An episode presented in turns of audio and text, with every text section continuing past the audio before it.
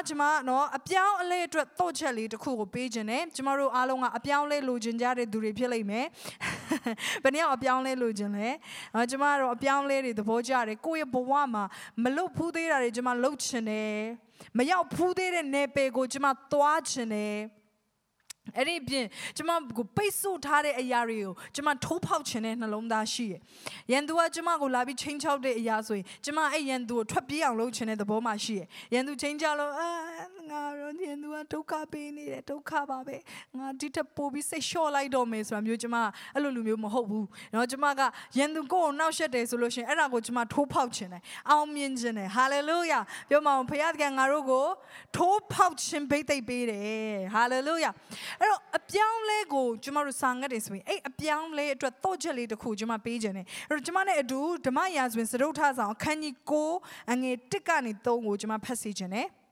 ဓမ္မရာဇဝင်စရုပ်ထဆောင်အခန်းကြီး9အငယ်1ကနေ3တွေ့ပြီဆိုတူတူကဖတ်ရအောင်ထိုအခါပရောဖက်အေလိရှေသည်ပရောဖက်အမျိုးသားတစ်ယောက်ကိုခေါ်၍သင်ဤခါကိုစီလော့ဤစီဘူးကိုယူ၍ဂိလက်ဘီရာမုတ်မြို့သို့သွားလော့ရောက်သောအခါနေရှိသာယောရှဖက်ဤသာယေဟုကိုရှာ၍သူ့ထံသို့ဝင်လျက် သူ့ကိုသူ၏အပေါင်းဖို့အစုတွေကထွက်စေ၍အတွင်ခန်းသို့ခေါ်ပြီးလင်ဤစီဘူးကိုငါကန်၍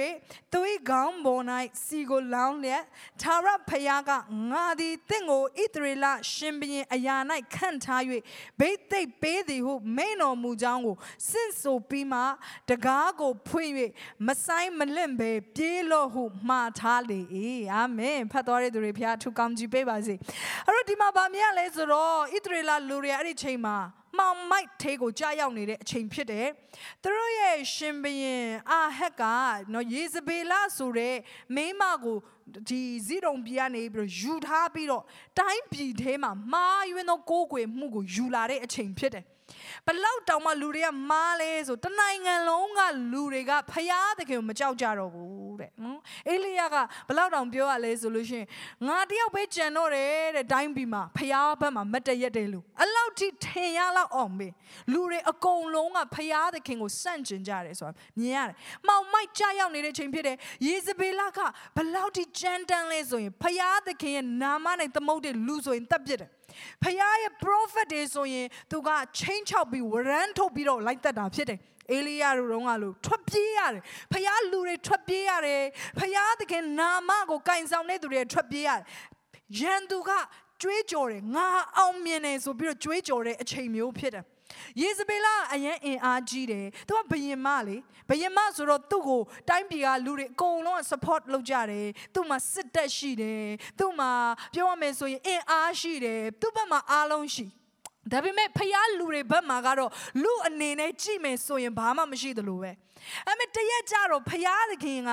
အေလိရှေအေလိယခေတ်တော့မဟုတ်တော့ဘူးအဲ့ဒီအချိန်ကအေလိယမရှိတော့ဖျားခင်သူ့ကောင်းကင်ခေါ်သွားပြီအေလိရှေခေတ်ဖြစ်တယ်အဲ့တော့အေလိရှေကိုဖျားကအကြံဉာဏ်ပေးတယ်သူလုပ်ရမယ့်အရာတခုအကြံဉာဏ်ပေးတယ်အဲ့ဒါကဘာလဲဆိုဒီယန်သူကလို့ရထဲကနေလွတ်မြောက်ဖို့ရန်အတွက်ငါဣသရေလနိုင်ငံထဲမှာငါအပြောင်းလဲလုပ်ဖို့ရန်အတွက်မင်း prophet ငယ်တယောက်ကို ပြောရမယ်အဲ့ဒီ prophet ငယ်ကိုခေါ်ပြီးတော့ဘာသာလောက်ခိုင်းမလဲဆိုယေဟုဆိုတဲ့လူကိုသွားပြီးတော့ဗိတ်သိက်ရမယ်တကယ်တော့ယေဟုကသာမန်စစ်သားလေးတယောက်ပဲသူက နော်ပြောပါဦးစစ်သားလေးတယောက်ပဲတာမန်လူလေးတယောက်ပဲโอเคသူတာမန်လူလူငယ်လေးတယောက်ပဲသူကတကယ်တမ်းပြောမယ်ဆိုသူ့မှာဘာမှအခွင့်အာဏာမရှိဘူးဘယင်လည်းမဟုတ်ဘူးနော်သူကရှင်ဘယင်လည်းမဟုတ်ဘူးအဲနော်အင်အားရှိတဲ့လူတယောက်လည်းမဟုတ်ဘူးသူ့မှာပိုင်ဆိုင်မှုလည်းဘာမှမရှိဘူးဒါပေမဲ့ဖယားသခင်ရဲ့ prophet ကဘာသာပြောခိုင်းလဲဆိုတော့ယေဟုမင်းကရှင်ဘယင်ဖြစ်တယ်ဆိုပြီးတော့ပြောခိုင်းတယ် prophet ငယ်လေးတယောက်အဲ့တော့ဒီမှာ prophet ငယ်လေးကသူ့ရဲ့နာမည်ဖော်ပြခြင်းမခံရပါဘူးသူ့ရဲ့နာမည်ကအေလိရှေရဲ့တပည့်လားဘာလဲဘာတူလဲเนาะကျမတို့နာမည်မရှိပါဘူးเนาะကျမတို့နာမည်ကျမ်းစာမှာရှာကြည့်မယ်ဆိုလည်းမတွေ့ရဘူးဘာမှမပြန်ရှာလို့မတွေ့ရနာမည်မရှိတဲ့ prophet လေးတယောက်ပါပြောပါဦးနာမည်မရှိဘူးနာမည်မရှိတဲ့ prophet လေးတယောက်ကတာမန်လူလေးတယောက်ကိုတွားပြီးတော့ prophet ပြုခိုင်းတယ်မင်းကရှင်ဘရင်ဖြစ်တယ်ဣသရေလနိုင်ငံရဲ့ရှင်ဘရင်ဖြစ်လာမယ်ဆိုပြီးတော့ prophet သွားပြုခိုင်းတယ်ဒါနဲ့အဲ့ဒီလူကလည်းသွားတယ်နော်ဒီလူရဲ့အာသာချက်ကဖျားခင်ဘာပြောပြောလက်တွေ့လုပ်မယ်ဆိုတဲ့နှလုံးသားရှိတယ်သူက အာမင်သူမှနာမည်တော့မရှိဘူးသူမှအင်အားတော့မရှိဘူးဒါပေမဲ့ तू ကဖျားခိုင်းလိုက်ရင်ဘာမဆိုလုပ်မယ်ဒီနေ့ကျမတို့ရဲ့တက်တာမှာနာမည်ကြီးစရာမလိုပါဘူးသင်အောင်မြင်နေတဲ့လူတစ်ယောက်လူတွေကသိတဲ့လူတစ်ယောက်မဖြစ်ရင်တော့မသင်ဟာအပြောင်းလဲတွေတော့တော့ချက်ဖြစ်လာနိုင်တယ် အမင်ဒီလူငယ်ကတကယ်ကိုဖျားသခင်ရဲ့နိုင်ငံကြီးတစ်ခုလုံးကိုပြောင်းလဲစေဖို့ရန်အတွက်အဓိကတော့ချက်နေရမှာသူကပါဝင်နေတာဖြစ်တယ်ဒီ prophet ငယ်ကဘာလုပ်လဲဆိုဖျားသခင်ညွှန်ကြားတဲ့အတိုင်းပဲ သွားပြီးတော့လူလူတယောက်ကိုရှာတယ်သူ့နာမည်ယေဟုယေဟုစီကိုတက်တဲ့သွားပြီးတော့မင်းက prophet ဖြစ်တယ်ဆိုပြီးတော့စီလောင်းပြီးတော့ထွက်သွားပါလေရောထွက်တာတော့မှထွက်ပြေးသွားတယ်เนาะဘာကြောင့်မလဲဆိုလို့ရှိရင်အဲအကယ်လို့ရေစပေလာပြန်ပြီးကြားတယ်ဆိုသူအသက်ခံမှကြောက်လို့เนาะအဲအရင်တတိရှိနေတာတော့မဟုတ်ဘူးဒါကျမတို့လည်းတခါလေးမှာအရင်တတိရှိနေတာတော့မဟုတ်ဘူးဒါပေမဲ့ဖခင်ခိုင်းလာပြီဆိုရင်လို့ဖို့ရန်အတွက်လိုတယ် အာမင်ဖခင်ခိုင်းလာပြီဟဲ့ဆိုရင်ရဲရင်ချင်းနဲ့လှုပ်တဲ့အခါမှာထူးခြားမှုတွေပြောင်းလဲမှုတွေဖြစ်လာလိမ့်မယ်အဲ့ဒီမှာအရေးကြီးတဲ့တော့ချက်ကဘာလဲဖခင်ပြောခိုင်းတဲ့အရာကိုပြောရမယ်ဖယားသခင်ကကျမတို့ရဲ့ပါဇက်ကိုဗိသိက်ပေးတယ်ကျမတို့ရဲ့ပါဇက်ဟာအမိန်ပေးတဲ့နေရာဖြစ်ပါတယ်ပြောမအောင်အမိန်ပေးတဲ့နေရာဖြစ်တယ် တောင်းပန်တဲ့နေရာပဲမဟုတ်ကျမတို့ကတောင်းပန်တာအရန်လွယ်တယ် sorry ဆိုတာတွေ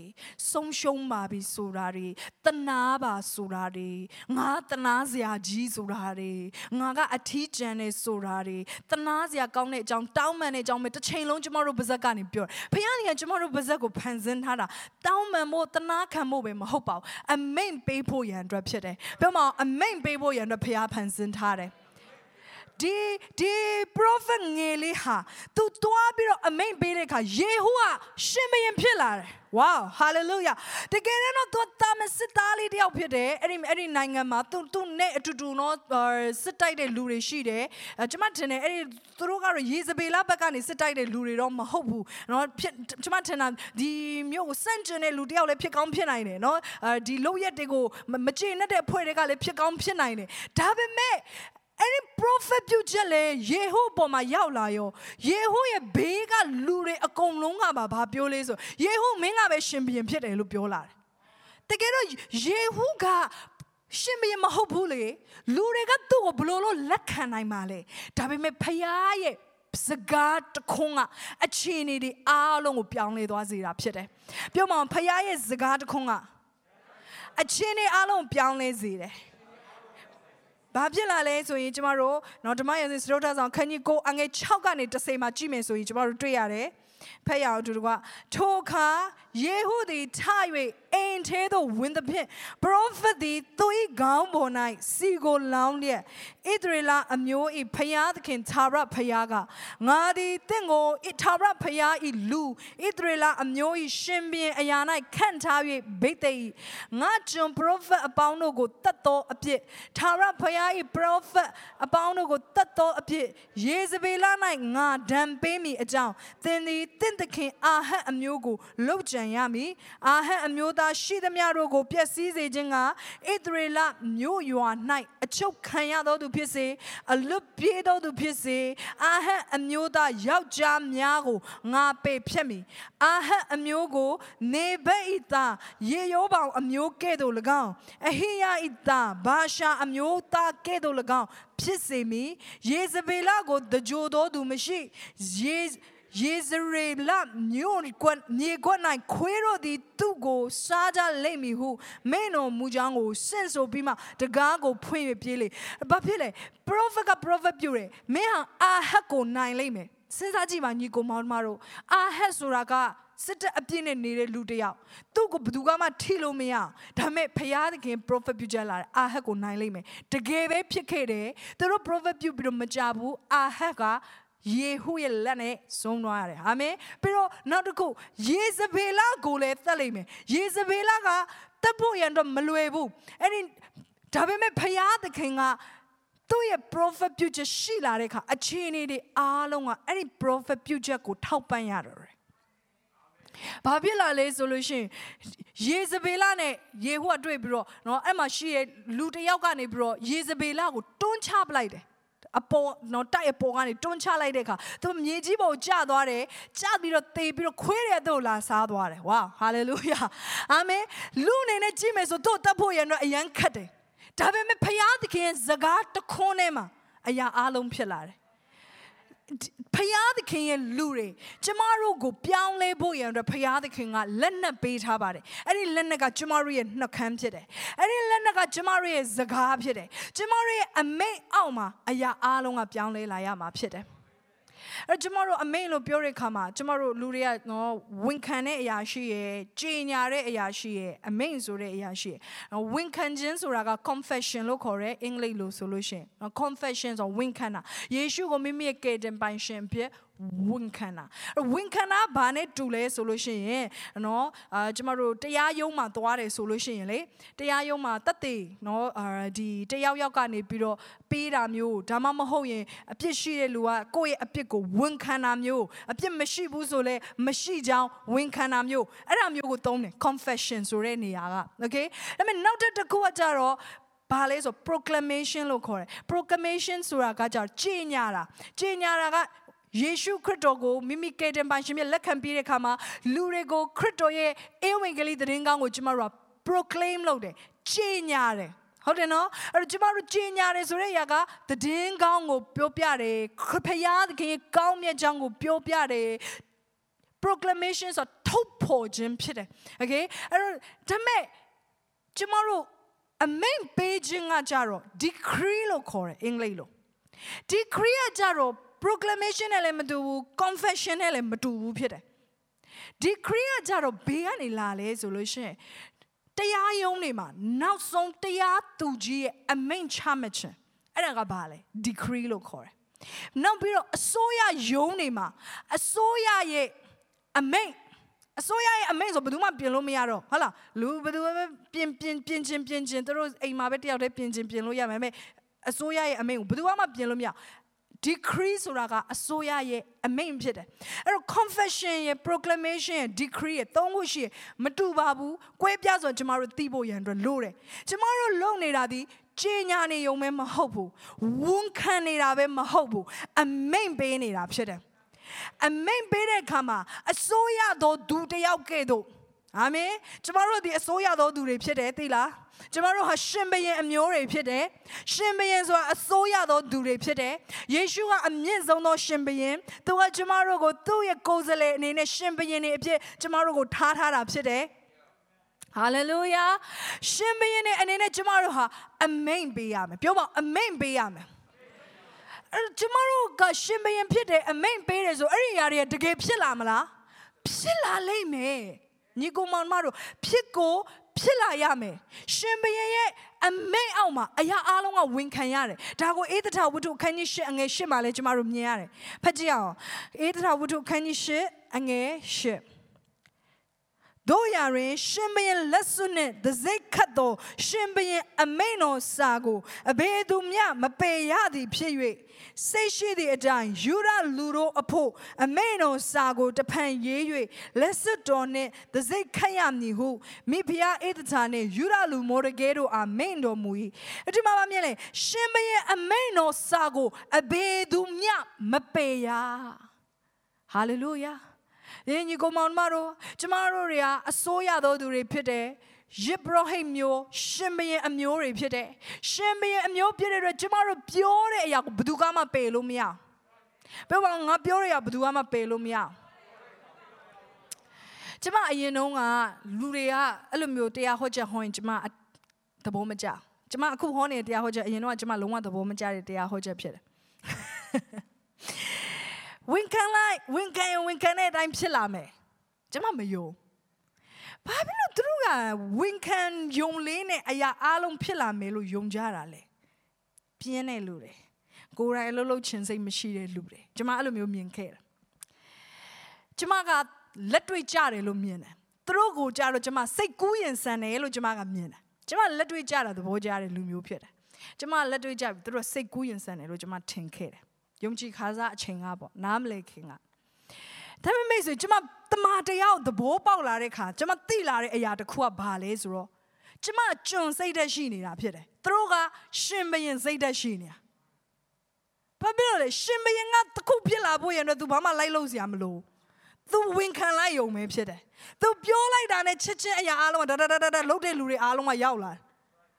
ဟာလေလုယာက ငါတို့ဒီနှစ်မှာတိုင်းပြည်မှာအသီးနှံထွက်နှုံးတွေတိုးအောင်လုပ်ရအောင်ဆိုပြောပဲပြောတာဘာမှလုပ်စရာမလိုဟိုမှာစိုက်ပျိုးရေးဝင်ကြီးကလုပ်ရတယ်စိုက်ပျိုးရေးဝင်ကြီးအောက်ကလက်ထောက်တွေကလုပ်ရတယ်အော်အဲ့ဒီလူရဲ့နော်အောက်ကလဲသမားတွေကလုပ်ရတယ်။ तू ဘာမှလုပ်စရာမလို तू လုပ်ရတဲ့အလုပ်ကသူ့ပါဇက်ကပြောယုံပဲဖြစ်တယ်အာမင်အဲ့တော့သင်စိတ်ထဲမှာလက်တွေမကြဘူး တော့ငါငါကစိတ်ကူးရင်စံနေတာလို့ထင်စရာအကြောင်းမရှိဘူးဘာဖြစ်လို့ဆိုတော့သင်ရှင်ဘရင်ဖြစ်တယ်ဖခင်တည်းကျမတို့ကိုရှင်ဘရင်အမျိုးလို့ပြောထားပြီးသားဖြစ်တယ်အဲ့ဒါကြောင့်ကျမတို့ရဲ့အလုပ်ကဘာလဲဝန်ခံယုံမဲဟာလေလုယာမေစေတီလာအခုကင်မှာကဘာပေါ်မှာအင်အားအကြီးဆုံးဆိုတဲ့သတ်မှတ်ထားတဲ့လက်နက်ကပါလဲ nuclear ဟုတ်တယ်နော် nuclear လက်နက်ကအင်အားအကြီးဆုံးဖြစ်တယ် nuclear ဒီဒုံးကျည်တစ်ခုက တန်ပေါင်းများစွာလေးတယ်အရင်လဲအာတန်ဖိုးကြီးတယ်နော်အာလေးတယ်ဆိုတာထက်ပို့ပြီးတော့ကြီးမားတယ်ပေါ့နော်ပြောရမယ်ဆိုသူ့ကိုဘယ်မှာထားရလဲဆိုဒီမြေရေအောက်ထဲမှာသူကသူ့ရဲ့ဒီဓပေါင်းဖိုတွေဒီ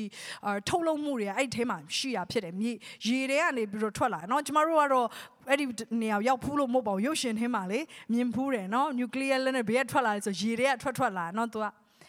ဒါမဲ့သိလားအဲ့ဒီ နျူကလ িয়ার လက်နဲ့ထွက်လာဖို့ရန်အတွက်ဘယ်သူကအရေးကြီးဆုံးလဲဆိုရင် president အော်သူတို့နိုင်ငံရဲ့ဒီသမရကအရေးကြီးဆုံးဖြစ်တယ်သမရကအမိန်ပေးရတယ်โอเคငါတို့ဘေးနိုင်ငံဘေးနိုင်ငံကိုပြစ်တော့မယ်ဟေးဆိုတော့တစ်ချိန်လုံးကဟလာဒီဟီရိုရှီမာဟလာဘုံကျဲတော့ဆိုပါဆိုဂျပန်ကိုပြစ်တော့မယ်ဟေးဆိုဘာလို့လဲသမရကအမိန်ပေးုံမယ်သူ့ဘက်ကနေအမိန်တစ်ခုအောက်မှာ အားလုံးကဖြစ်လာအင်အားအကြီးဆုံးဆိုရင်လက်နက်ကတခါတည်းထွက်လာပြီးတော့ပစ်ပလိုက်တာတခါတည်းဟိုမှာပြာကျသွားတယ်တစ်မျိုးလုံးသူအဲ့ဒီလက်နက်ကိုတော့ထမ်းစရာလိုလားအဲ့လက်နက်ကိုတွားပြီးတော့သူကိုယ်တိုင်ပေါက်တူးနဲ့တူးပြီးသွားရှာစရာလိုလားအဲ့တော့ဒီ uranium ဆိုရဲဟာနေပြီးတော့သူကလုတ်တာကို uranium တတ်ထို့သူကိုယ်တိုင်တိုးထဲမှာထမင်းထုတ်ထမ်းပြီးလိုက်ရှာလားသူကိုယ်တိုင်အဲ့ဒီလက်နက်ကိုလုတ်တဲ့နေရာမှာသွားစရာလိုလား အာတတုနော်ဓာတ်ပေါင်းဖို့နေရာမှာသွားပြီးနေတိုင်းချွေးပြက်ပြက်ကြအောင်အလုပ်လုပ်စရာလို့လားမလိုဘူးသူ့အလုပ်ကဘာလဲအမိန်ပေးလိုက်ရုံပဲဒီနေရာနဲ့ထွက်ဟိုနေရာမှာပြစ်ဘုံကျဲတာပဲသူပြောလိုက်ရင်အရာအားလုံးကဒတ်ဒတ်ဒတ်ဒတ်ဆိုအကုန်လုံးကဖြစ်လာအားလုံးကသူ့ရဲ့အမိန်တကူအောက်မှာဝန်ခံရတယ် come on stop think like you are a king စပြီးတော့တင့်ကိုယ်တင်ရှင်ဘရင်တယောက်ကဲ့သို့မြင်ပြီးစဉ်းစားဖို့လိုတယ်ရှင်ဘရင်တယောက်ကဲ့သို့မြင်ပြီးတော့ဝန်ခံဖို့လိုတယ် အဲ့ဒါ confess လုပ်နေရမဟုတ်ဘူး proclaim လုပ်နေရမဟုတ်ဘူး decree လုပ်နေရ decree ဆိုတာဘာလဲ order ပေးတာ amen ပေးတာဖြစ်တယ်ပြောပါဦး I decree hallelujah ကျင်ညာမယ်အာမင်အမိန်ပေးရမယ်ရှင်ဘရင်အမိန်ပေးတဲ့အရာကိုဘယ်သူကမှပေလို့မရအောင်အခြေအနေတွေအားလုံးကအဲ့ဒီအရာအောက်မှာဝန်ခံလာရတာဖြစ်တယ်ဖခင်ကကျမတို့ကို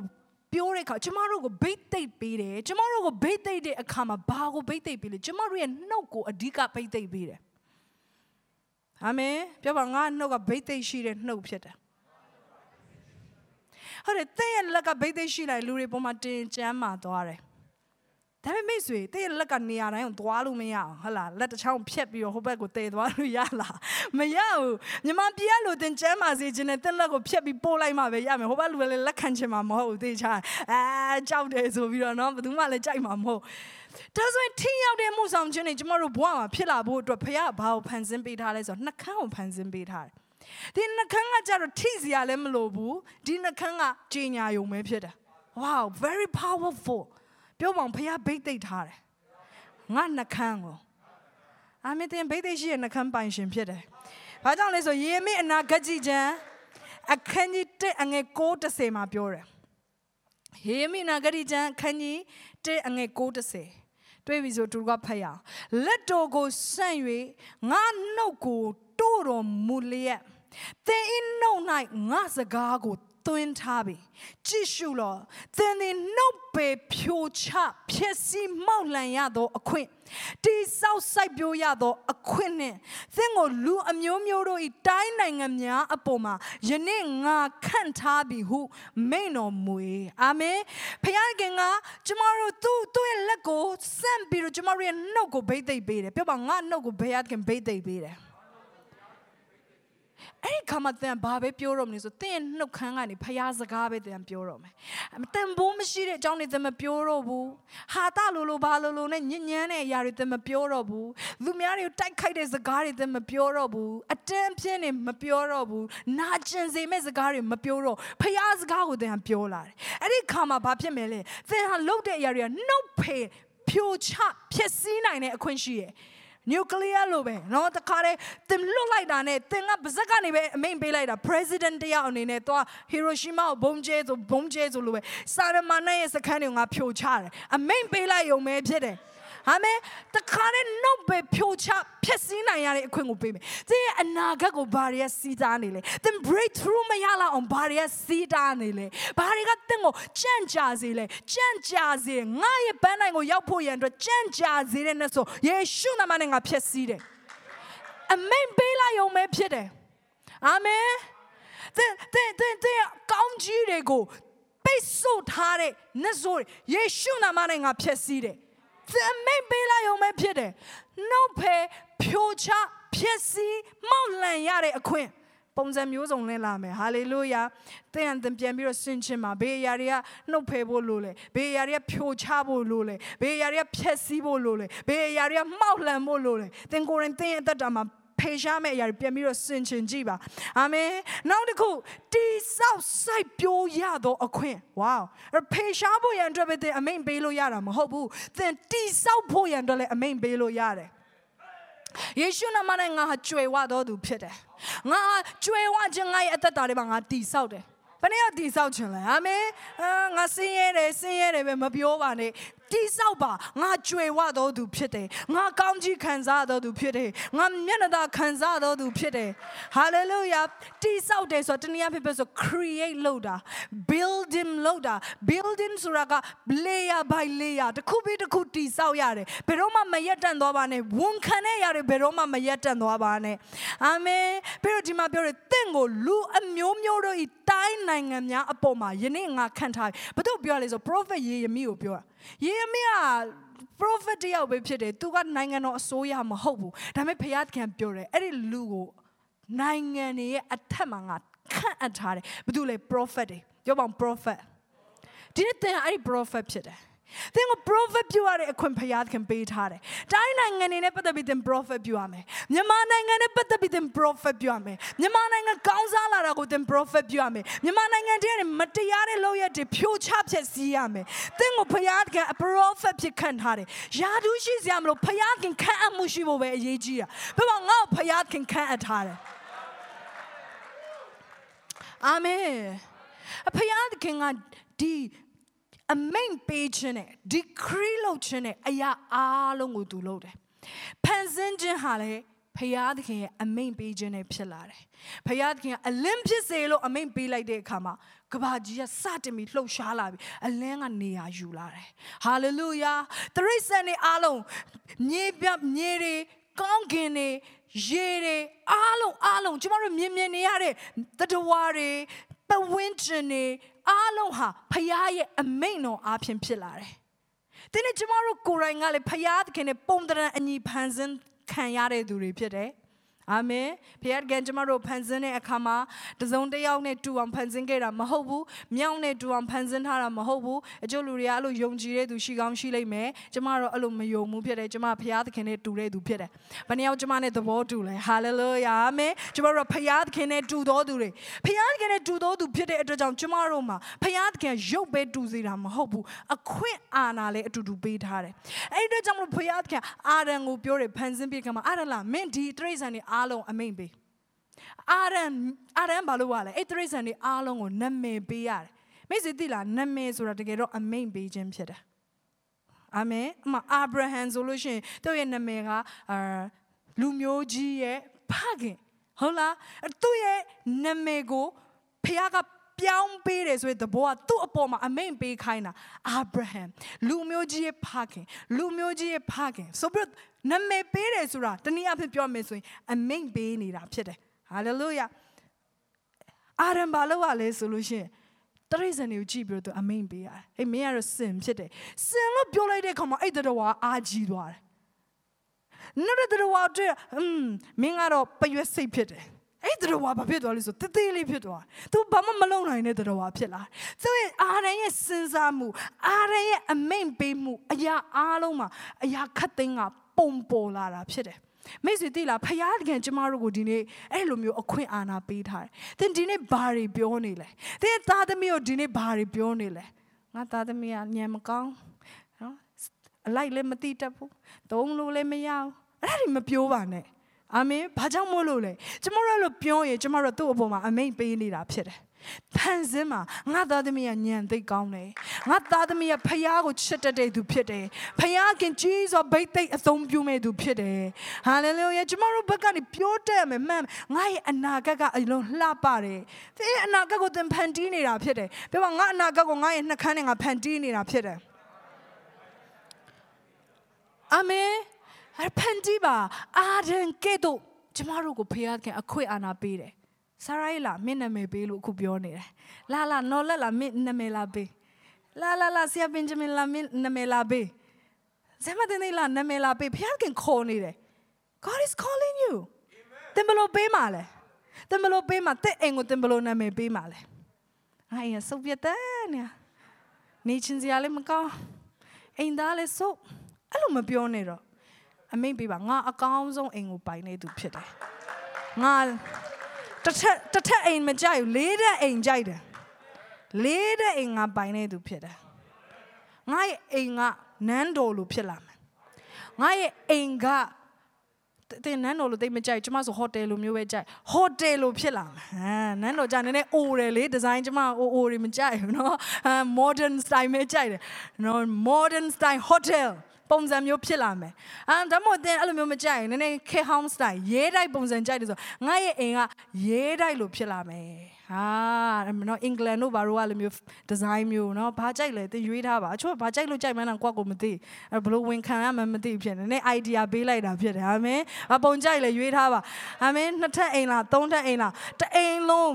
မှန်နဲ့ကျမကြောင့်တအိမ်လုံးမှန်နေအပြည့်နဲ့အိမ်မျိုးကိုကြိုက်ဘာဖြစ်လို့လဲဆိုအလင်းတွေဝင်နေနော်တန့်ရှင်းတည့်ရမှုကိုမြင်ရ စိတ်ကူးရမိဝန်ခံရမယ်အာမင်ကျမတို့ကိုဘုရားကနာမည်ပေးခိုင်းနေတယ်ဘလို့ပေးမှာတင့်အိမ်ကိုတင်ဘလို့နာမည်ပေးမှာတင့်သားသမီးကိုဘလို့နာမည်ပေးမှာလဲသုံးမရတဲ့သူလို့နာမည်ပေးမှာလားဒါမှမဟုတ်တိုးပွားတဲ့သူလို့နာမည်ပေးမှာလားယာခေလာသူ့ရဲ့ တာယောသက်လို့ပေးတယ်ယောသက်ဆိုတဲ့အဓိပ္ပာယ်ပါတယ်တိုးပွားတော်သူဝါဟာလေလုယာတကယ်လေးဖြစ်လာတယ်သူကတိုးပွားပြီးတိုးပွားတိုးပွားပြီးနိုင်ငံကိုတော့ကောင်းကြီးဖြစ်စေတယ်တိုးပွားခြင်းနဲ့ပြည့်စုံတဲ့သူဖြစ်လာတယ်ဟာလေလုယာဘလို့နာမည်ပေးမှာလဲဆုံးဖြတ်ပါဖခင်ကကျမတို့ကိုဒီမြေကြီးမှာထားတဲ့ခါမှာလက်နဲ့မေ့ထားတာမဟုတ်ကျမတို့မှာ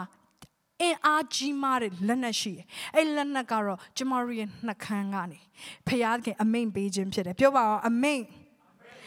အာမင်ဒေသနာကျမ်းခန်းကြီးရှစ်အငယ်လေးမှာဒီလိုပြောတယ်ရှင်ဘရင်အမိန်တော်၌တကိုးပါ၏ကိုရိုဒီအဘေတို့ပြုရသည်ဟုအဘေသူဆိုရသည်အဲ့တော့ရှင်ဘရင်တယောက်ကဲ့သို့ကျမတို့ဟာအမိန်ပေးရမယ်အဲ့ဒီအမိန်ကတကိုးပါတယ်အဲ့ရှင်ဘရင်ကဲ့သို့အမိန်ပေးပါ โอเคအမ်ကျွန်လိုမျိုးအမိန်မပေးပါနဲ့ငါလုပ်ရအောင်ပါပဲဘလို့အမိန်ပေးပေးငါပဲလုပ်ရမှာအကျွန်စိတ်သက်ဖြစ်တယ်ပြောပါငါရှင်ဘရင်အာမင်အမိန်နဲ့ပဲကျမတို့အုပ်ချုပ်တယ်ကျမတို့ရဲ့စကားတိုင်းကအတီဖြစ်လာတယ်ကျမတို့စေလွတ်လိုက်တဲ့အရာကိုအရာအားလုံးကအကောင့်ထဲပေါ်ရတယ်လူတွေကအကောင့်ထဲပေါ်ရတယ်အခြေအနေတွေကအကောင့်ထဲပေါ်ရတယ်ဟာလေလုယာဒါဘယင်တယောက်ရဲ့အခွင့်အာဏာဖြစ်တယ် ယေရှုခရစ်တော်ကိုယ်တိုင်လည်းအဲ့ဒီတိုင်းပဲအသက်ရှင်ခဲ့တယ်။ယေရှုမြေကြီးကိုလာတဲ့ချိန်မှာယေရှုရှင်ဘရင်တယောက်ကဲ့သို့အလုပ်လုပ်တယ်။သူကျွန်တယောက်ကဲ့သို့အလုပ်မလုပ်ရှင်ဘရင်တယောက်ကဲ့သို့စိုးစံတယ်။ဟုတ်တယ်ကျွန်တယောက်ကဲ့သို့လူတွေရဲ့အစီကိုခံတယ်။ဒါပေမဲ့ရှင်ဘရင်တယောက်ကဲ့သို့လှုပ်ဆောင်တယ်။အာမင်အဲ့ဒီမှာကျမတို့ကိုယ်ကိုယ်ပြပြသိဖို့လိုအပ်တယ်ယေရှုကျမတို့ကိုကျွန်စိတ်သက်ရှိစေချင်တာမဟုတ်ဘူးကျွန်ကဲ့သို့လှုပ်ဆောင်စေချင်တာ action ကိုဖြစ်စေချင်တာ attitude က king ကဲ့သို့ဖြစ်ဖို့လိုတယ် king heart and servant hand okay king heart servant hand ရှင်ဘရင်ကဲ့သို့နှလုံးသားရှိပါကျွန်တယောက်ကဲ့သို့အစေခံပါစိတ်နှလုံးကကျွန်ကဲ့သို့ကွက်ကိုစဉ်းစားနေမယ်ဆိုရင်ဘယ်တော့မှကျမတို့ဖခင်အကြီးဝေချက်ထားထားတဲ့နေရာရောက်လာနိုင်မှာမဟုတ်ယေရှုရှင်ဘရင်တယောက်ကဲ့သို့လာပြီးမြေကြီးမှာလှုပ်တယ်ဘာလို့လဲသင်္ဘောသဖန်မြေယေရှုတွေ့တယ်သူရှင်ဘရင်ဆိုတည်တယ်အမိန်ပေးတယ်တွေးချောက်စီလို့အမိန်ပေးလဲသင်္ဘောသဖန်မြေတွေးချောက်သွားတယ်တနည်းရောက်တယ်လက်ချေသေးတဲ့လူသူဘာပဲပြောလဲအမိန်မပေးတယ်ထပြီးလမ်းလျှောက်တယ်ဝါဟာလေလုယာထပြီးလမ်းလျှောက်လိုက်တဲ့အခါ ကျမ်းမာသွားတယ်။နူနာဆွဲတဲ့သူတွေ့တဲ့အခါတန်ရှင်းစေလို့ပဲယေရှုကအမိန့်ပေးတယ်။နာငါဆေးထည့်ပေးမယ်နော်။တနေ့မှာခုနှစ်ကြိမ်ငါစီလာခဲ့ငါရေလောင်းပေးမယ်။ယေရှုမပြောအမိန့်ပဲပေးတယ်။ကျမ်းမာစေလို့အမိန့်ပေး။နူနာတွေအကုန်လုံးကတွေးချောက်သွားရတယ်။ဒီတိုင်းပဲကျမတို့လည်းယေရှုကမှားတယ်။ဘာလို့ခိုင်းလဲ။မင်းတို့နှုတ်ကနေဖွင့်ပြီးတော့တောင်းတွေကိုရွှေ့လို့ပြောတယ်။ ဟာလေလုယာတောင်တွေကိုရွှေ့လို့ပြောရင်တောင်တွေကရွေ့လိမ့်မယ်ဒီကျမတို့ဟာအခွင့်အာဏာယေရှုကိုယ်တိုင်အနှင်းချင်းခံရသောသူတွေဖြစ်တယ်အဲ့တော့အခွင့်အာဏာမဲ့တဲ့ပုံစံမျိုးနဲ့မနေပါနဲ့ပြောပါငါအခွင့်အာဏာရှိရသူဖြစ်တယ်အာမင်ယေရှုကသူဆုတောင်းတဲ့အခါမှာ အဲ့လိုမျိုးပဲယေရှုဆူတောင်းတယ်လူတွေမကျမ်းမာတွေ့ခါကျမ်းမာစေလို့ပြောတယ်တေတဲ့သူထလို့ပြောတယ်တပိသားထလို့အဲ့အမျိုးသမီးငယ်ကိုအမိတ်မဲပေးတာထလာတယ်ယေရှုဆူတောင်းမှုအရန်ထူးဆန်းတယ်ဒါကြောင့်လူတွေကတော့လာပြောရတယ်ယေရှုကိုရဆူတောင်းတဲ့ပုံကျွန်တော်တို့ကိုသင်ပေးပါကိုရဘလို့ဆူတောင်းတာလဲကျွန်တော်တို့လည်းသိချင်တယ်လို့လူတွေကလာပြီးတောင်းဆိုရတယ်ဘာဖြစ်လို့လဲယေရှုရဲ့ဆုတောင်းခြင်းဟာအခွင့်အာဏာရှိသောသူတစ်ယောက်ကဲ့သို့ဖြစ်နေတယ်အာမင် ယေရှုနတ်ဆိုးတွေရဲ့လောက်ရက်ကိုမြင်တဲ့အခါမှာစိုးရိမ်တကြီးဖြစ်တာမျိုးမရှိဘူးအမိတ်မဲ့ပေးတယ်ထွက်သွားတယ်ဟိုမှာရှိဝတ်တွေတွေကိုဝင်တယ်ဝါဘာလဲယေရှုကနတ်ဆိုးတွေကိုမောင်းထုတ်တဲ့အခါမှာလေအမိတ်နဲ့ပဲမောင်းထုတ်တယ်မိတ်ဆွေသိလားသင်ရဲ့နှခမ်းမှာဖရာသခင်ကတကိုးထဲထားပေးတယ်အဲ့ဒီတကိုးကနတ်ဆိုးမောင်မိုက်တကိုးတွေလောက်ရက်တွေကိုဖြိုချဖျက်ဆီးနိုင်တယ် အာမင်ဖြိုချဖြစ်စီလိမ့်မယ်သင်နှကန်းကမှောင်မိုက်တကိုးတွေကိုဖယ်ရှားနိုင်တယ် အာမင်အဘေဘရစေဒါကြောင့်မလို့ဖယားသခင်ကနော်ဖယားသခင်ကကျမတို့ရဲ့နှုတ်ကိုဘိတ်သိတယ်ဒါပေမဲ့ယန်သူကကျမတို့ရဲ့နှုတ်ကိုမာရွံ့တဲ့အရာတွေအတွက်ပဲသုံးစေခြင်းတယ်ဒါကြောင့်ကျမတို့ရဲ့နှုတ်ခမ်းထဲမှာအားငယ်စေတဲ့စကားတွေထည့်ပေးတယ်ကျမတို့ရဲ့နှုတ်ခမ်းထဲမှာကောင်းတာထက်မကောင်းတာကိုပြောဖို့ရန်အတွက်အမြဲတမ်းမှလာပြီးတော့သွေးဆောင်ဘယ်တယောက်ခံစားလဲငါဒါမပြောသင့်ဘူးဒါပေမဲ့ငါပြောလိုက်မိတယ်ဆိုပြီးတော့ဒီနေ့ကျမတို့ရဲ့နှုတ်ခမ်းကိုယန်သူကဖျက်ဆီးဖို့ကြိုးစားတယ်ဒီနေ့မှာပြန်ပြီးတော့သင် control လုပ်ပါပြန်ပြီးတော့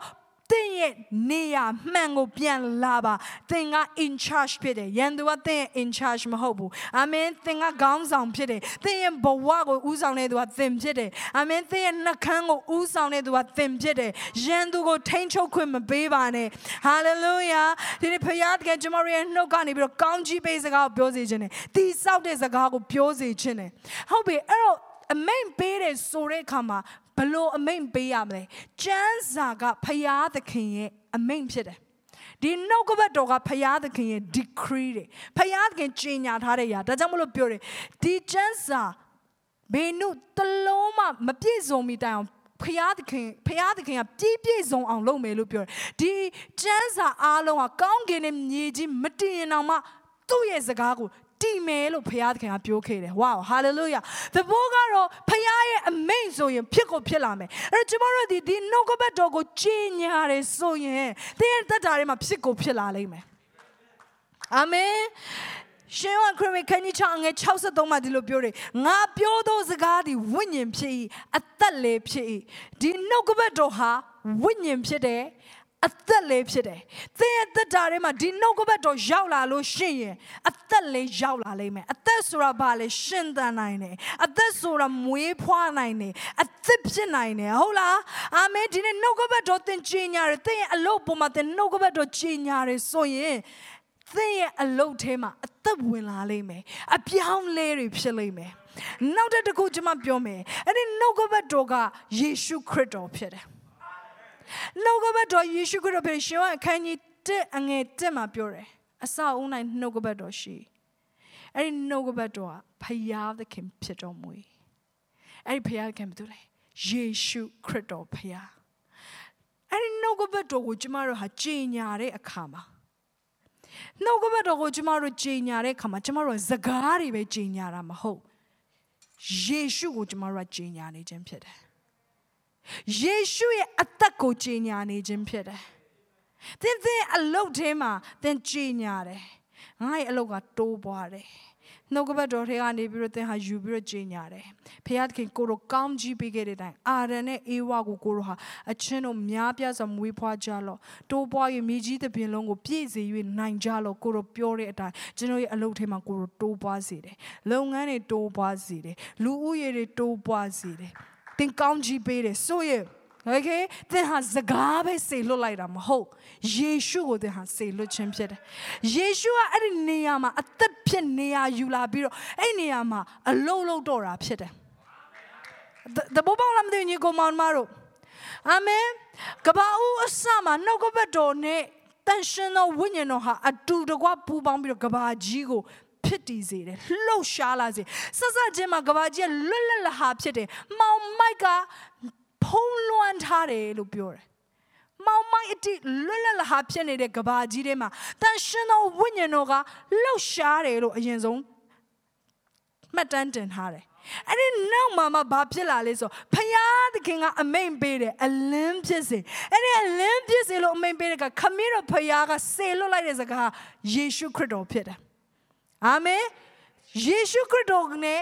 တန်ရှင်သောဝိညာဉ်တော်ရဲ့လွှမ်းမိုးခြင်းနဲ့ပူးပေါင်းလာတဲ့အခါမှာဘာဖြစ်လာလဲအခုကျမတို့အသက်ရှင်နေတဲ့ကဘာကြီးဖြစ်လာတယ်ခတ်သိမ်းသောအရာတွေဖြစ်လာတယ်အာမင်စัจ java လာကြီးဖြစ်လာတယ်ကျမတို့တောက်ဖို့ရေတွေဖြစ်လာတယ်ကျမတို့အသက်ရှင်နေတဲ့မြေတွေဖြစ်လာတယ် wow hallelujah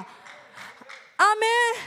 အဲ့တော့ဘာလို့လဲနှုတ်ကပတ်တော်လို့တယ်နှုတ်ကပတ်တော်ဖြစ်တဲ့ယေရှုဟာသင်ရဲ့အသက်တာထဲမှာနေရာယူနေဖို့ရန်အတွက်လို့တယ်နှုတ်ကပတ်တော်ဖြစ်တဲ့ယေရှုဟာသင်ရဲ့နှခမ်းထဲမှာနေရာယူနေဖို့လို့တယ်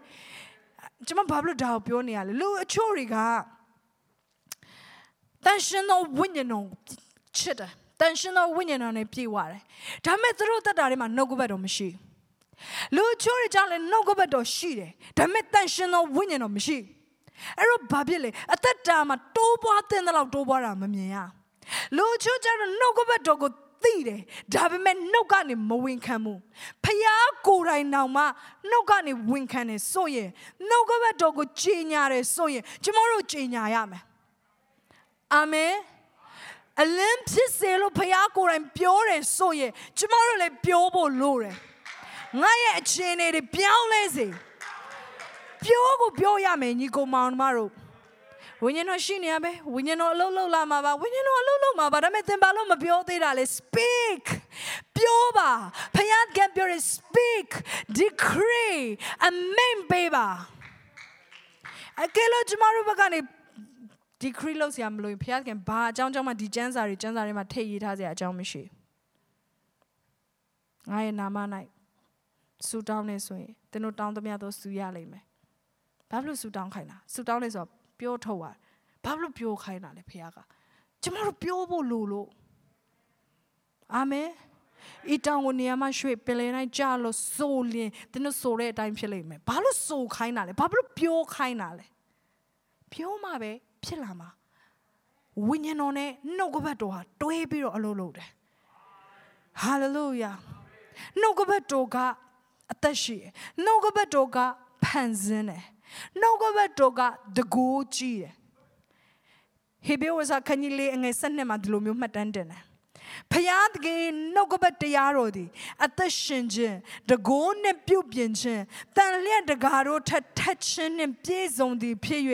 အသက်နဲ့စိတ်ဝိညာဉ်ကို၎င်းအယိုးစွနဲ့ခြင်းစီကို၎င်းပိုင်းခြား၍ထုတ်ခြင်းခွင့်တတ်၏စိတ်နှလုံးအကြံစီများကိုလည်းသိမြင်တတ်၏ဖယားရဲ့နှုတ်ကပတ်တရားတော်ကအသက်ရှင်တယ် ဖယားတကယ်နှုတ်ကပတ်တရားတော်တကိုးကြီးတယ်ဒီမှာဘယ်လောက်ထိတိုင်းထားလဲဆိုလို့ရှိရင်တန်လျက်တကာတို့ထက်ထက်တယ်အဲ့ဒီခေတ်မှာစစ်တိုက်တဲ့လက်နက်ကဓာဒါကြောင့်မို့လို့ तू ကတန်လျက်တကာတို့ထက်ထက်တယ်လို့သုံးထားတာဒါပေမဲ့ဒီခေတ်မှာဆိုရင်တော့ nuclear ဟလာဒီခေတ်မှာဆိုရင်တော့အမြောက်ဒီခေတ်မှာဆိုရင်တော့တင့်ကားဟလာဒီခေတ်မှာဆိုရင်တော့လက်နက်မျိုးစုံရှိရကွာဟာဂျက်လီရင်ရောဘာတွေရောညာတွေရောနော်အဲ့တော့ကျမတို့မြန်မာလူမျိုးဆိုအဲ့ဒါအရင်ကျွမ်းတယ်တိသွားရေခုဆိုရင်နော်အခုအရင်တော့မသိတော့အခုအရင်သိသွားရေဟလာအဲ့တော့ဘာဖြစ်လဲကျမတို့လက်နက်တွေတကားထက်ထက်တယ်လို့ပြောတယ်အဲ့ဒီခေတ်တော့ကတော့တန်လျက်ပဲရှိလို့တန်လျက်တကားထက်ထက်တယ်လို့ပြောတယ်အခုခေတ်မှာဆိုတော့ nuclear ထက်ပိုပြီးတော့ထက်တယ် ဘေးရာကလည်းနှုတ်ကပတ်တရားတော်သည်လက်နက်တကားတော့ထက်ထက်တယ်တကိုးကြီးတယ်ဒီခေတ်ရတာပိုးလို့ကရေးမယ်ဆိုရင်ဒီကျမ်းစာကိုဖျားသခင်နှုတ်ကပတ်တော်သည်အမြောက်တကားတို့ထက်အင်အားကြီးသည်ဖြစ်၍ဖျားသခင်နှုတ်ကပတ်တရားတော်သည်နျူကလ িয়ার ဘုံထက်အင်အားကြီးသည်ဖြစ်၍အဲ့လိုရေးမှာ အဲ့ဒီခေတ်တုန်းကတန်လျက်ပဲရှိလို့โอเคဒီခေတ်မှာဆိုရင်တော့ပြောင်းပြီးတော့အဲ့လိုရေးမှာအာမင်ဟာလေလုယာဘာရီယသင်ဘဝမှာအင်အားကြီးနေလဲဘာရီယသင်ဘဝကိုစီးတားနေလဲအဲ့ဒီလက်နက်တွေအားလုံးတစ်သားပြီးဖခင်ရဲ့နှုတ်ကပတ်တရားတော်ကအင်အားကြီးတယ်တကိုးကြီးတယ်ဟာလေလုယာအာမင်ဖခင်နှုတ်ကပတ်တရားတော်က ဖန်ဆင်းပေးတယ်ဖခင်ရဲ့နှုတ်ကပတ်တရားတော်အသက်ရှိတယ်ဖခင်ရဲ့နှုတ်ကပတ်တရားတော်အင်အားကြီးတယ်ဖခင်ရဲ့နှုတ်ကပတ်တရားတော်ကအမြဲတမ်းပြည့်စုံတယ်ပြည့်စုံတယ်လို့ပြောတဲ့အခါမှာပြီးမြောက်တယ်လို့ပြောချင်တာဖခင်နှုတ်ကပတ်တော်ပြောလိုက်တယ်ဆိုအချိန်နဲ့ပြန်ပြီးတော့မလာဘူးအမြဲတမ်းပြည့်စုံပြီးမှလာတယ် ဟေရှာနဂရီကျန်ခန်းကြီး55အငယ်30 17မှာပြောတယ်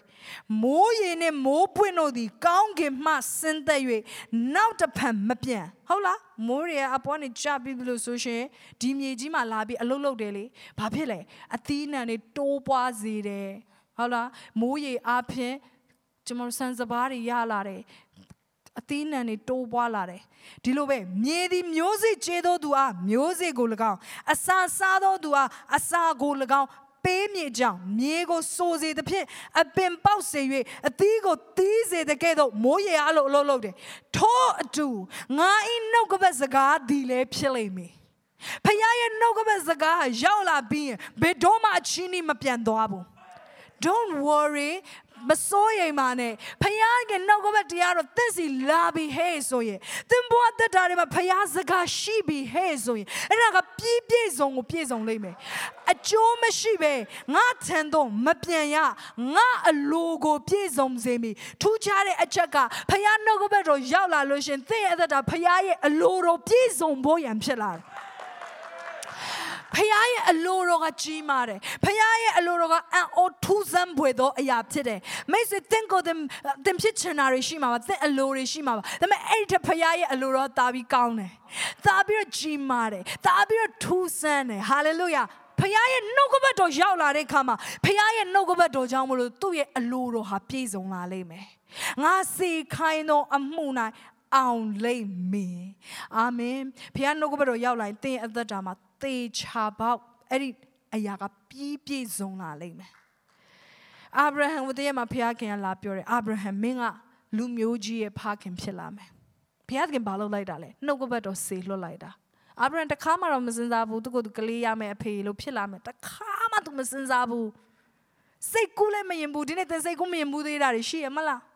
အဖေကပြောလာမယ်ဟေး ငါသားမင်းလူမျိုးကြီးဖခင်ဖြစ်လာမယ်ငါသားမင်းမီလီယံနာဖြစ်လာမယ်ငါသားမင်းအောင်မြင်တဲ့သူဖြစ်လာမယ်ငါသားငါမင်းကိုချီးမြှောက်ပြီးတော့အသုံးပြုမယ်ငါသားမင်းအဖြစ်လူငယ်တွေသိန်းနဲ့ချီကဲတင်ခြင်းရလိမ့်မယ်ငါသားမင်းအဖြစ်ပျောက်ဆုံးဝိညာဉ်တွေများစွာခရစ်တော်ရဲ့နိုင်ငံထဲဝင်လာလိမ့်မယ်ငါသားမင်းခရစ်စိတ်တွေမှာတရားဟောမဲ့သူဖြစ်လာမယ်ငါသားမင်းခရစ်စိတ်တွေမှာ praise and worship ဦးဆောင်တဲ့သူဖြစ်လာမယ်မင်းလူသန်းနဲ့ချီရှေ့မှာ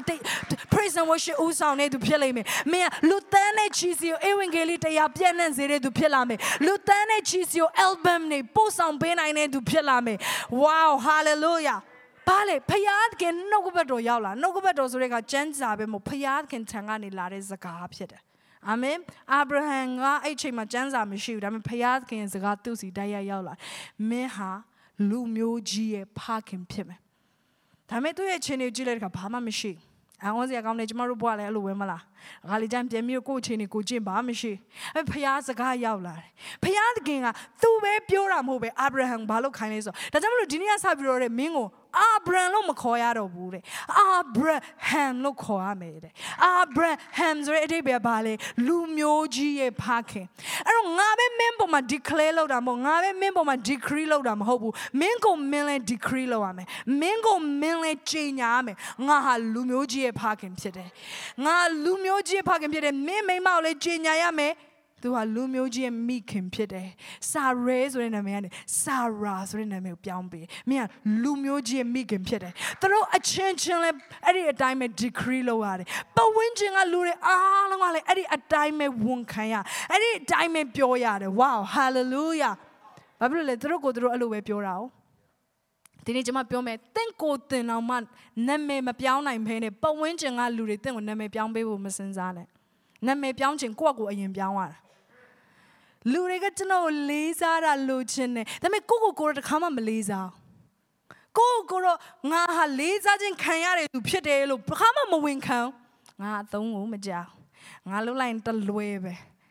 အမြဲတမ်းကိုကိုလို့ပြောနေပတ်ဝန်းကျင်ကလူတွေတဲ့ဘလို့လို့ပြောမှလဲအရင်ဆုံးကိုနာမည်ကိုအရင်ပြောင်းပါအာမင်မနေ့မိုးလဲလို့မှန်ချင်းကိုနာမည်မှန်အောင်ခေါ်ပါဆာရာအေးဆိုကောင်းကြီးခံစားရသူဖြစ်တယ်ဆာရာအေးဆိုမျက်နှာသာရှိတဲ့သူဖြစ်တယ် ကိုနာမည်ကိုမှန်အောင်ခေါ်ပါဘယ်ဝင်ချင်ကလူတွေကသင်ကိုမှန်ကန်ခေါ်လာလိမ့်မယ်ဟာလေလုယာအာမင်ဒါကြောင့်မို့ဖခင်ကပဲကျမတို့ကိုပြောရမှာမဟုတ်ဘူးကျမတို့ကလည်းပြောရမယ်အားပေးခြင်းနဲ့ဖခင်သင်ဘာတွေဂတိတော်ပေးထားလဲအဲ့ဒီဂတိတော်တွေကတရက်ကြလို့ရှင်ပြည့်စုံလာရင်လေတင်အောင်လူတွေကိုပြောစရာမလိုသူတို့ကသူတို့ကြင်ညာလိမ့်မယ်ဆာရာရေးဆိုကြွယ်ဝတဲ့သူဆိုတာဘာမှပြစရာမလိုကျမအိမ်ုံလာကြည့်လူတွေကသိပြီ ကျမစီးတဲ့ကားကိုကြည့်လူတွေကသိပြီအော် तू ကြွယ်ဝတယ်ကျမကျမသုံးတဲ့ပစ္စည်းတွေကြည့်ရင်သိပြီဟလာကျမကျမကျမကိုကြည့်ရနေပြီလူတွေကသိနေပြီဘာဖြစ်လို့လဲကျမရဲ့ကြွယ်ဝခြင်းပြည့်စုံလာလို့ဒါပေမဲ့မပြည့်စုံခင်အချိန်မှာတဲ့ပစ္စည်းတွေစကားပြောလို့မရဘာလို့တဲ့မှာအိမ်မမရှိသေးတာတဲ့မှာကားမမရှိသေးတဲ့ကြွယ်ဝကြောင်ဘာကတတ်တည်ပြမှာလဲတဲ့ရဲ့နှခမ်းကတတ်တည်ပြမှာဟာလေလုယာ သင်မတက်တည်ပြစေဘာမှမရှိတော့ဝိညာဉ်ရနေပေမှာသင်ဟာဘာလုပ်ရမလဲဆိုတက်တည်ကိုပြင်ဆင်ရမယ်တက်တဲ့ကိုပြင်စတဲ့တက်တဲ့ဘာလဲငါဟာကြွေဝါတဲ့သူဖြစ်တယ်ငါဟာကိုပိုင်အင်ကိုပိုင်ကားနဲ့နေတဲ့သူဖြစ်တယ်ဘာလို့နေရလဲတဲ့တက်တဲ့ကိုပြင်စဒါကြောင့်မလို့ကျမတို့ကအောင်မြင်မအောင်မြင်တယ်လို့ပြောရင်နောက်ရန်ကြသွားပြီဘာဖြစ်လို့ဆိုတင်ပြောစရာတော့မလိုတော့တက်တဲ့ရရှိနေပြီအာမင် ဒါပေမဲ့မအောင်မြင်ခင်မှာကြတော့ပြောရတယ်မအောင်မြင်ခင်မှာကကြတော့ဗဇက်ကနေပြောရတယ်ဆာရာကြီးကအောင်မြင်တဲ့သူဖြစ်တယ်ဆရာနော်လက်ဆိုတာအောင်မြင်တဲ့သူဖြစ်တယ်ဘာလို့ပြောရတယ်ကိုကပြောမှမြင်ရလားမပတ်ဝန်းကျင်ကလူတွေလေအဲ့ဒါမှမြင်ပြီးသင်ကိုပြောမှာအာမင်ဟာလေလုယာအဲ့တော့ကျမတို့ decree လုပ်ရမယ် decree လုပ်တဲ့အခါမှာအရေးကြီးတဲ့အချက်ကဘာလဲနော်အရေးကြီးတဲ့အချက်နံပါတ်1အနေနဲ့အရေးကြီးဆုံးအချက်ကယုံကြည်ခြင်းဖြစ်တယ်အဲ့တော့ကျမတို့အနေနဲ့ယုံကြည်ခြင်းမရှိရင်ဘုရားခင်လက်တော်ကနေတစုံတစ်ခုမှရမယ်လို့မထင်နဲ့လို့ကျမ်းစာကပြောတယ်ရှင်ရကိုဝိဇာခန်းကြီးတဲ့အငယ်ခွန်ရှင်းမှာလဲစိတ်နှခွရှိသောသူပြုလေသမျှတို့၌မတိကြည်သောသူဖြစ်၍ဘုရားခင်လက်တော်မှာတစုံတစ်ခုရမည်ဟုမထင်မှတ်စေနဲ့သဘောကပါလဲကျမတို့မှာယုံကြည်ခြင်းမရှိရင် ကျမတို့ဘလောက်ပဲပြောနေပါစေဖြစ်လာမှာမဟုတ်အမေအဲ့တော့ကျမတို့နှခမ်းကပြောတဲ့အရာကစိတ်ကလေတကယ်ယုံကြည်ဖို့လိုတယ်သဘောတူဖို့လိုတယ်ခါလေးကျရင်ချို့ကဟိုဘာသာရေးထုံးစံတစ်ခုလိုပဲဝန်ခံတာမနဲ့မိုးလေးဝင်တော့ဝန်ခံတယ်ကိုကိုရဲ့နှလုံးသားကတော့အဲ့ဒါကိုသဘောမတူယုံကြည်မှုမပါ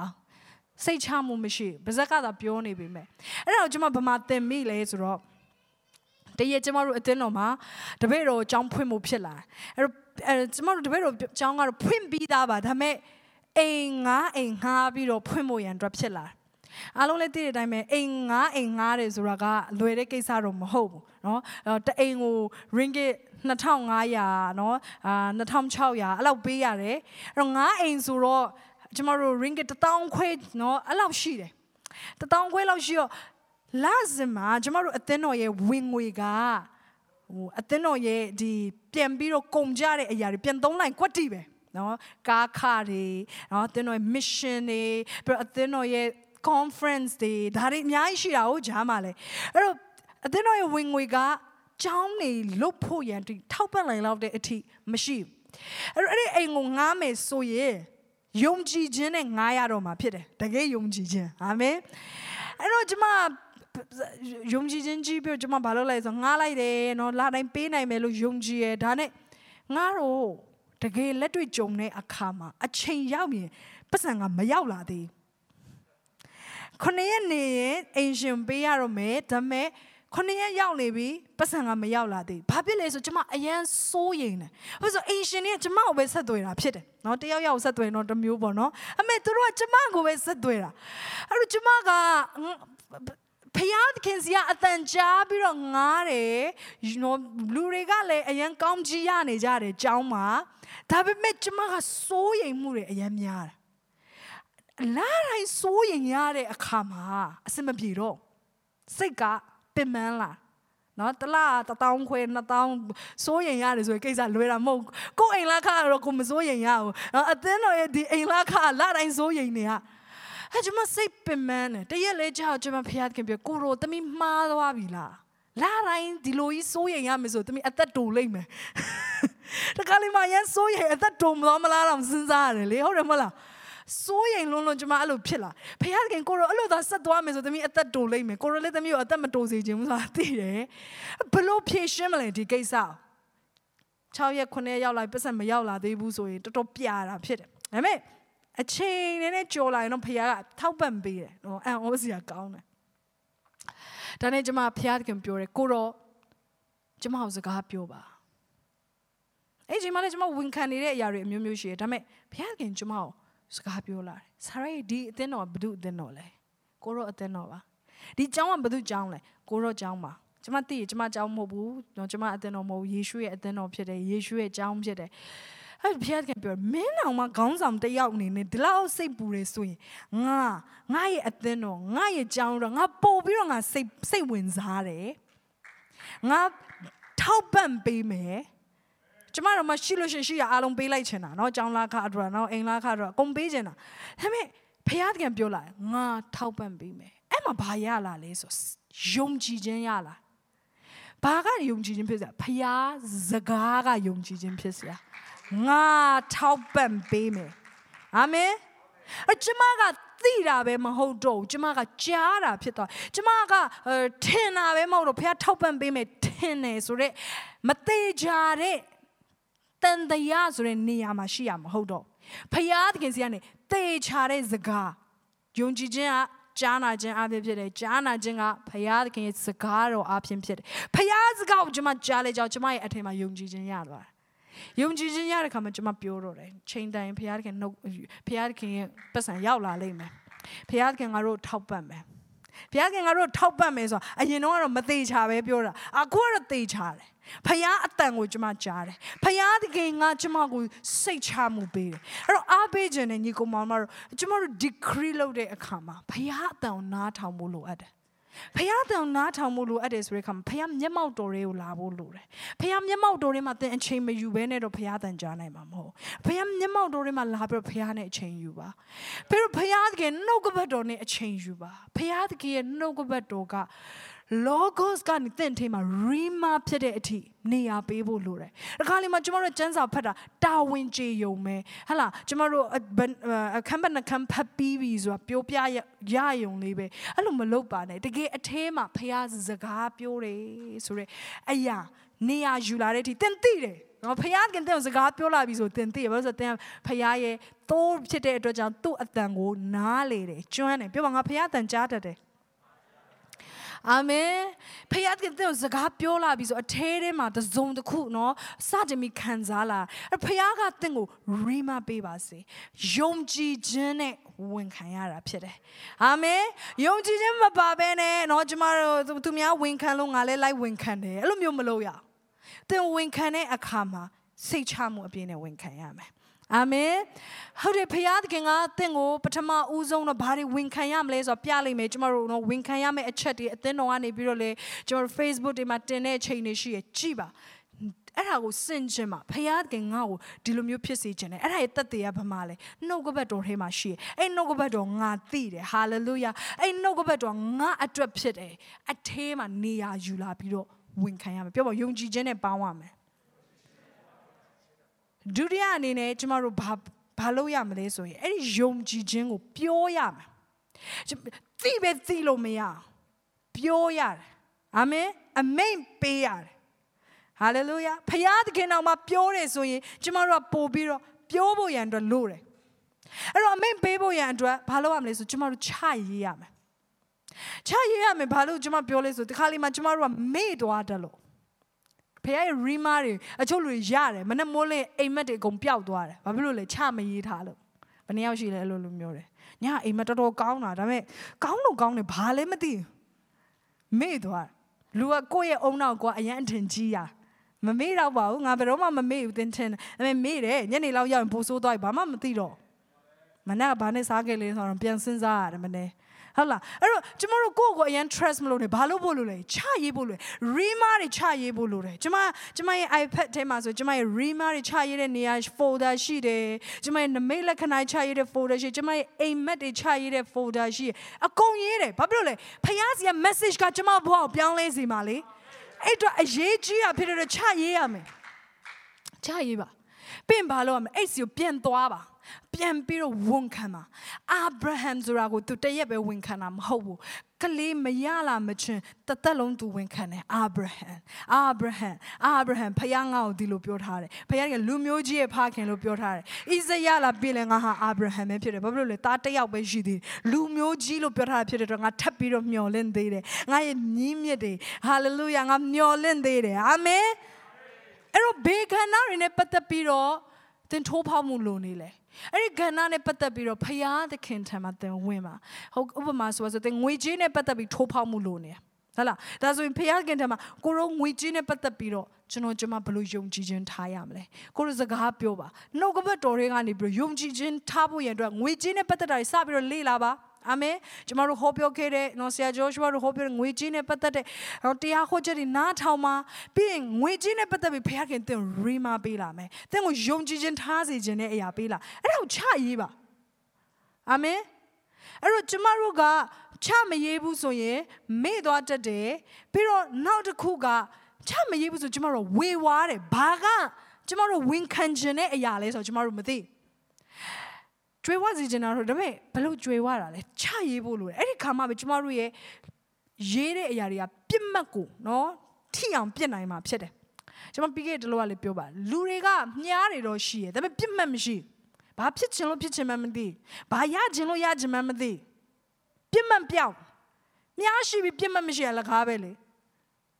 မြားဆိုပါလေကျွန်မတို့ရဲ့ခွန်အားတွေအယီချင်းတွေစုကျေးဇူးတွေအခွင့်အလန်းတွေအများကြီးရှိတယ်ဒါပေမဲ့ဖြစ်ချင်တဲ့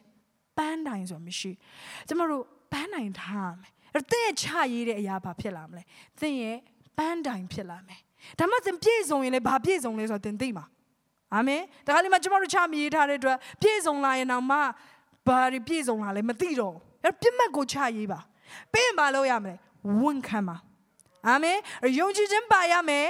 ချရေးပါဝန်ခံပါနောက်ဆုံးအဆင့်ကတော့ဘာလဲဆိုတော့သီးခံခြင်းနဲ့စောင့်ပါ တခါလေမှကျွန်တော်ဝန်ခံပြီးဒီနေ့ချက်ချင်းဖြစ်လာမယ်တခါလေမှဖယားသခင်ကြီးမားတဲ့ဖယားသခင်ရဲ့ဂျေဇုတွေကအချိန်ဆောင်ရတယ်အာဗြဟံဟာတာမန်သားကိုရတာမဟုတ်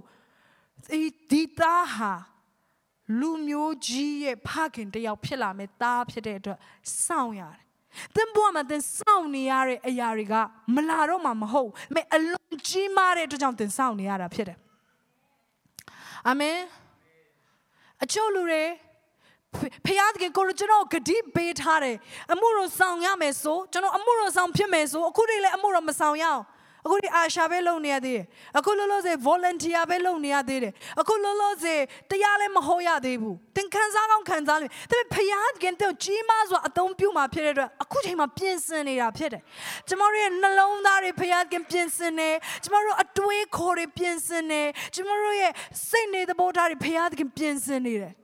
ကြီးမားတဲ့အရာတွေဖြစ်လာဖို့ရတဲ့ဖခင်ရဲ့ပြင်ဆင်ခြင်းဆိုတာရှိတယ် ဒါပေမဲ့ကျမတို့ဘာလို့ဖို့လဲသီးခံမို့လို့အာဗြဟံကသူ့ရဲ့နာမည်အာဗြဟံကနေပြီးတော့တော်ပြီငါငါကလေးလည်းမရဘဲနဲ့အာဗြဟံပြန်လုပ်တော့မယ်ဆိုပြီးတော့သူမလုပ်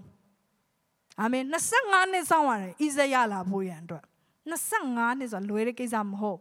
ဒါပေမဲ့ तू စိတ်ရှိတယ်သီးခံတယ်ဆက်ပြီးတော့ဝန်ခံတယ်ဒီထဲမှာဇွဲရှိရလူဘယ်နှယောက်ရှိလဲသီးခံနိုင်တဲ့သူဘယ်နှယောက်ရှိလဲအင်အားကြီးမားတဲ့သူဘယ်နှယောက်ရှိလဲသီးခံခြင်းဆိုတာအင်အားကြီးမားခြင်းကိုပြသတယ် အာမင်ဒီခေတ်လူငယ်တွေရဲ့ပြဿနာအခုပြောအခုရကြတယ်အခုမှမရရင်သူတို့စိတ်ဝင်စားတော့မင်္ဂလိတယောက်ကိုသဘောကျပြီဆိုတော့အခုကြီးစားစကားပြောအခုဖြေပေးမှမဖြေမပေးနောက်တစ်ယောက်ချက်ချင်းသွား try နာဟုတ်လားဒီမှာလို့လူဘယ်နှယောက်ရှိလဲအမျိုးသားအမျိုးသမီးတွေလည်းဒီလိုပဲနော်အာကိုသဘောကျပြီဆိုချက်ချင်းရမှမရရင်တော့တော်ပြီစိတ်ဝင်စားချက်ချင်းလိုချင်တဲ့အကျင့်တွေကျမတို့မှာရှိချက်ချင်းဖြစ်ရမယ် ဟုတ်ပါတယ်ဖခင်တခင်တစ်ခါတည်းမှာနမိတ်လက္ခဏာနဲ့အချို့အရာတွေလုပ်တယ်တစ်ခါတည်းမှာဖခင်ကကြီးမားတဲ့အရာတွေကိုအချိန်ယူပြီးလုပ်တဲ့အရာတွေလည်းရှိတယ်အာမင်အဲ့ဒီအရာဟာကျမတို့ဘက်ကနေဆက်ပြီးတော့ယုံကြည်ခြင်းနဲ့ဝန်ခံနေရမဖြစ်လာမချင်းဝန်ခံပါပြောပါဦးကျမနဲ့တူမဖြစ်လာမချင်းဝန်ခံမယ်ဟာလေလုယာအာမင်အဲ့တော့ယုံကြည်ခြင်းရှိပါချရေးပါဝန်ခံပါ သီးခံခြင်းနဲ့စောင့်ပါစောင့်နေဆိုတဲ့အခါမှာ actively စောင့်ပါဖြစ်ချင်လဲဖြစ်မဖြစ်ချင်လဲနေပုံထားလိုက်မယ်ဆိုတာမျိုးပုံစံမျိုးမဟုတ်အဲ့ဒါ passively မနော်စိတ်ဝင်စားပဲစောင့်တာစိတ်ဝင်စားနဲ့စောင့်ပါအစင်သင့်ပြင်ဆင်ပြီးတော့စောင့်ပါ hallelujah